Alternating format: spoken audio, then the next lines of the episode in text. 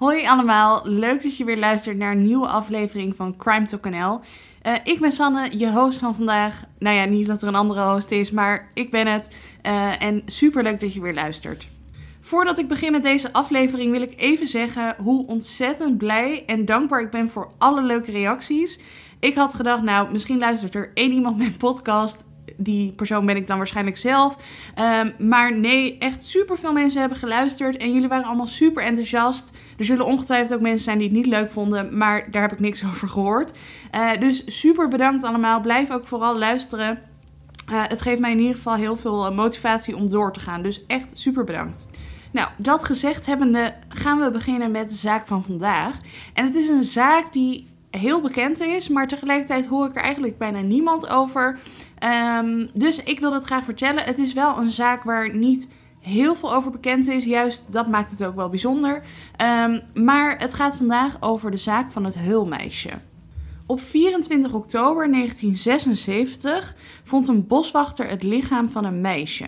En dat meisje was naakt en ze lag bedekt onder een laagje bladeren en uh, begraven in een kuil. En deze kuil die was bij uh, parkeerplaats De Hul bij Maarsbergen uh, langs de A12. En dat verklaart ook gelijk de naam Het Hulmeisje, omdat ze dus gevonden was bij parkeerplaats De Hul. En ik kan er niet zoveel over vinden wat er direct daarna is gedaan. Uh, om achter de identiteit te komen of om uh, mensen te vinden die het meisje dat gevonden was uh, kenden. Maar de politie gaat er heel erg lang van uit dat het lichaam van het hulmeisje het lichaam is van Monique Jacobsen. En Monique was een meisje van 16 uit Beeldhoven en een jaar voor de vondst van het hulmeisje is zij vermist geraakt. Dus gaat de politie er heel erg lang van uit dat 112 is en dat het hulmeisje Monique is. Totdat, plot twist, Monique opeens weer opdaagt. En uh, Monique die meldt zich in 2006 en uh, ze neemt uh, contact op met haar familie. En wat blijkt nou, Monique is zelf weggelopen en is via Duitsland naar Amerika gegaan. Heeft daar een nieuw leven opgebouwd, maar uiteindelijk ja, is ze dus toch weer teruggekomen. En hoewel dat natuurlijk super fijn was dat Monique dus blijkbaar niet overleden was, stond de politie wel voor een raadsel, want wie is het hulmeisje dan wel? Dus de politie moest opnieuw beginnen met het onderzoek weer helemaal terug bij af. Het hulmeisje is ook natuurlijk begraven in een anoniem graf. Maar uh, voor het politieonderzoek werd ze opnieuw opgegraven en hebben ze op basis van haar schedel een gezichtsreconstructie gemaakt. En eerst gingen ze ervan uit dat ze ongeveer 18 jaar moet zijn geweest toen ze vermoord werd. Maar uh, later, uit later onderzoek is gebleken dat ze waarschijnlijk tussen de 13 en 15 jaar moet zijn geweest. En wat er ook gedaan werd, was een isotopenonderzoek. En nu denk je misschien, uh, wat zijn isotopen? Ik wist het ook niet, dus ik heb het even opgezocht. En heel simpel gezegd, isotopen zijn eigenlijk informatiedragers van het lichaam. En daarvanuit kun je dus opmaken wat de verblijfsplaats is van bijvoorbeeld een persoon. En je kan het terugvinden in haren, huid en bloedcellen.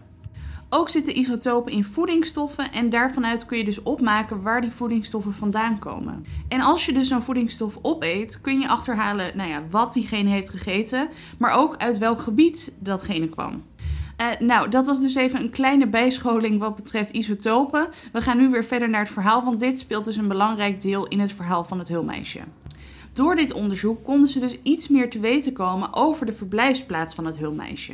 Het is erg waarschijnlijk dat zij uh, haar eerste zeven levensjaren heeft gewoond in het gebied tussen het Roergebied en de Eifel. En dat is in Duitsland. Dus dit kan ook betekenen dat het hulmeisje uit Duitsland komt. Maar ze hebben ook kunnen achterhalen hierdoor wat zij heeft gegeten de laatste maanden voor haar dood. En het blijkt dus dat ze in ieder geval de maanden voor haar dood een heel eenzijdig dieet heeft gehad. En daarmee bedoel ik niet dat ze op dieet was, maar ze heeft de maanden voor haar dood bijna elke dag hetzelfde gegeten. En dan heb je eigenlijk twee opties waarom dat zou kunnen zijn. Of ze was heel arm en kon niks anders betalen of kon niks anders verkrijgen. Of ze is misschien ontvoerd en dat ze daardoor ja, vrij eentonig eten had. In ieder geval, het staat vast dat ze de laatste maanden voor haar dood niet echt een heel leuk en gezellig leven heeft gehad. Zoals ik net al even aanhaalde, dachten ze dus eerst dat ze rond de 18 was, maar later is dat bijgesteld naar tussen de 13 en 15. Uh, toen is er ook een nieuwe gezichtsreconstructie gemaakt. En ik zal ook even een foto plaatsen op Instagram van de gezichtsreconstructie die toen gemaakt is. Uh, ja, ik vind het zelf wel een beetje engig eruit zien, maar dan heb je in ieder geval even een beeld hoe ze eruit heeft moeten zien. Verder hebben ze kunnen achterhalen dat het hulmeisje een kies miste. Uh, dat kunnen ze achterhalen door onderzoek aan het gebit. En dit zou natuurlijk een punt zijn waaraan mensen haar kunnen identificeren. Deze zaak leeft natuurlijk ook in de media, want hoe bizar is het dat er een kind eigenlijk gevonden wordt en deze nooit geïdentificeerd wordt. Uh, maar bijvoorbeeld Opsporing Verzocht uh, besteedt ook aandacht aan deze zaak. En er komen ook wel tips binnen, waaronder de volgende tips. De eerste tip is van een taxichauffeur. En uh, deze taxichauffeur had een dronken man in zijn taxi. En deze man beweerde dat het meisje, het hulmeisje, uit de Duitse stad Essen kwam. Een andere tip komt van een man en deze man die verklaart dat hij het hulmeisje en een man een lift zou hebben gegeven naar de hul, die parkeerplaats waar het hulmeisje dus is gevonden. Ook verklaart hij dat tijdens de rit het meisje dat hij had vervoerd Duits had gepraat. En ja, dat zou natuurlijk wel aansluiten bij het feit dat het hulmeisje waarschijnlijk uit Duitsland kwam. En ook de Duitse media besteedt aandacht aan deze zaak, want de kans was natuurlijk groot dat nabestaanden of mensen die haar kenden in Duitsland woonden. En dit leverde wel een paar tips op, maar ja, een gouden tip is nooit gekomen. Wat nog wel interessant is, is dat de politie heeft een tip gehad, en deze nemen ze echt heel serieus, dat uh, het lichaam van het hulmeisje door twee mannen in 1976 gedumpt is door twee mannen. En deze mannen uh, schenen rond die tijd tussen de 30 en 40 jaar te zijn geweest. Uh, maar ja, nu zijn ze natuurlijk al veel ouder en is het heel erg lastig om te achterhalen wie deze mannen waren of zijn. In Nederland is de zaak inmiddels verjaard. En dat betekent dus dat als iemand morgen zegt: Nou, ik heb het gedaan of ik, ik ben betrokken, dan wordt deze persoon niet meer vervolgd. Maar in Duitsland geldt er geen verjaringstermijn. En dan denk ik gelijk: zou het dan zijn dat de dader uit Duitsland komt? Omdat daar natuurlijk geen verjaringstermijn geldt en hij dus nog steeds vervolgd zou kunnen worden. Maar ja, aan de andere kant, er zijn zoveel moorden en vermissingen die niet opgelost zijn. Um, ja, de kans is natuurlijk ook gewoon heel erg groot dat diegene niet het lef heeft om erover te spreken, ongeacht of hij vervolgd wordt of niet. En dan vrij recent, nou ja, recent, in 2016, uh, maakte de politie bekend dat ze een heel grootschalig DNA-verwantschapsonderzoek wilden gaan doen in samenwerking met de Duitse politie. En ik denk dat DNA-verwantschapsonderzoek natuurlijk nu vrijwel bij iedereen wel bekend is. Maar voor wie het niet kent, uh, eigenlijk wat ze doen is ze roepen uit een bepaalde regio of een gebied uh, mensen op uh, met bepaalde eigenschappen in de meeste gevallen. En die moeten wangslijm, DNA inleveren. En op basis daarvan maken ze een database en kijken ze of er match is met gevonden DNA. En in veel gevallen, zoals bijvoorbeeld de zaak van Nicky Verstappen, wordt er gekeken naar DNA van de dader. Die dan bijvoorbeeld op het lichaam is gevonden van een slachtoffer. Maar goed, in dit geval is dat niet zo. Of tenminste, ik heb er niks over kunnen vinden. En ik ga er daarom ook vanuit dat ze uh, zoeken eigenlijk op DNA dat matcht met uh, het hulmeisje zelf. En zo bijvoorbeeld erachter kunnen komen uh, wie haar familie zou kunnen zijn. Want dat is ook nog steeds niet bekend. Maar tot op heden is het onderzoek nog niet begonnen. En persoonlijk vind ik dat super raar. Want het wordt heel groot aangekondigd in 2016 van nou, er komt een DNA-verwantschapsonderzoek. En het schijnt ook heel moeilijk te zijn geweest om de Duitsers te overtuigen om het onderzoek samen te gaan doen. Maar goed, het is gelukt en uiteindelijk gebeurt er niks. Van wat ik heb kunnen achterhalen, komt dit omdat de politie, naar eigen zeggen, uh, nog een aantal tips heeft binnengekregen waar ze nog meer onderzoek naar willen doen. Maar ja, niet lullig bedoeld. Maar het laatste bericht wat ik hierover heb gelezen komt uit 2018. We leven nu in 2021, dus drie jaar later. Als de tips zo waardevol waren en zo blijkbaar bruikbaar om het hele DNA-onderzoek uit te stellen, waarom hebben we er dan nog niks over gehoord? Of waarom is het DNA-verwantschapsonderzoek dan nog niet gestart? En in alle eerlijkheid, ik kan me heel ergens ver weg voorstellen dat deze zaak niet meer de hoogste prioriteit heeft. Want uiteindelijk is het een oude zaak, de zaak is verjaard. Um, dus ik kan me ergens voorstellen dat de politie misschien liever mensen zet op recente zaken die nog wel opgelost kunnen worden en die nog niet verjaard zijn. Maar verdient dit hulmeisje niet gewoon om erkend te worden, om geïdentificeerd te worden? Want uiteindelijk is dit een kind. Hoe kan het, en dit is voor mij het grootste raadsel aan deze zaak, Hoe kan het dat een kind vermist raakt, vermoord wordt en dat er helemaal niemand is die zich meldt van uh, hallo, mijn kind is weg of uh, mijn kind is vermoord, wat dan ook. Ik vind het zo bizar.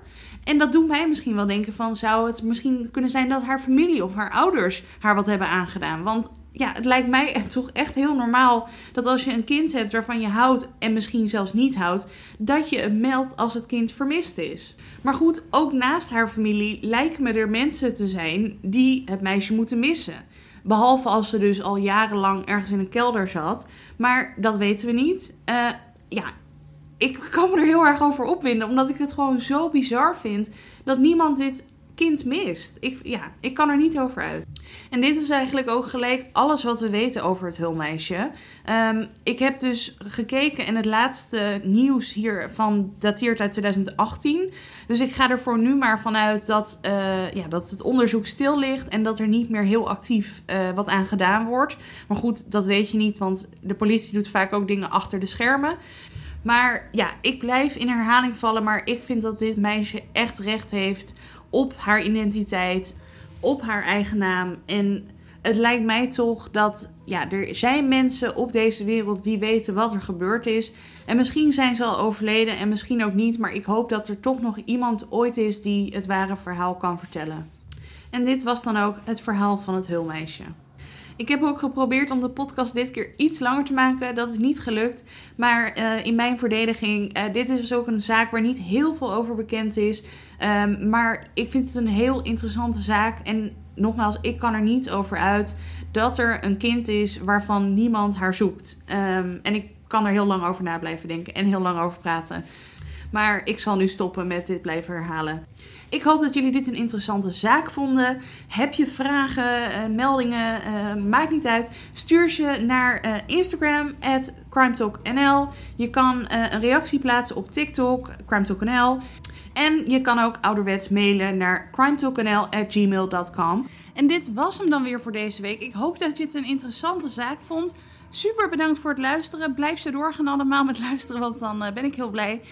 Um, volgende week donderdag ben ik er weer met een nieuwe zaak. Zorg dat je erbij bent. Zet het in je agenda, dan hoef je niks te missen. En uh, dan zie ik jullie dan. Nou ja, hoor. Nee, uh, jullie horen mij. nou, doei!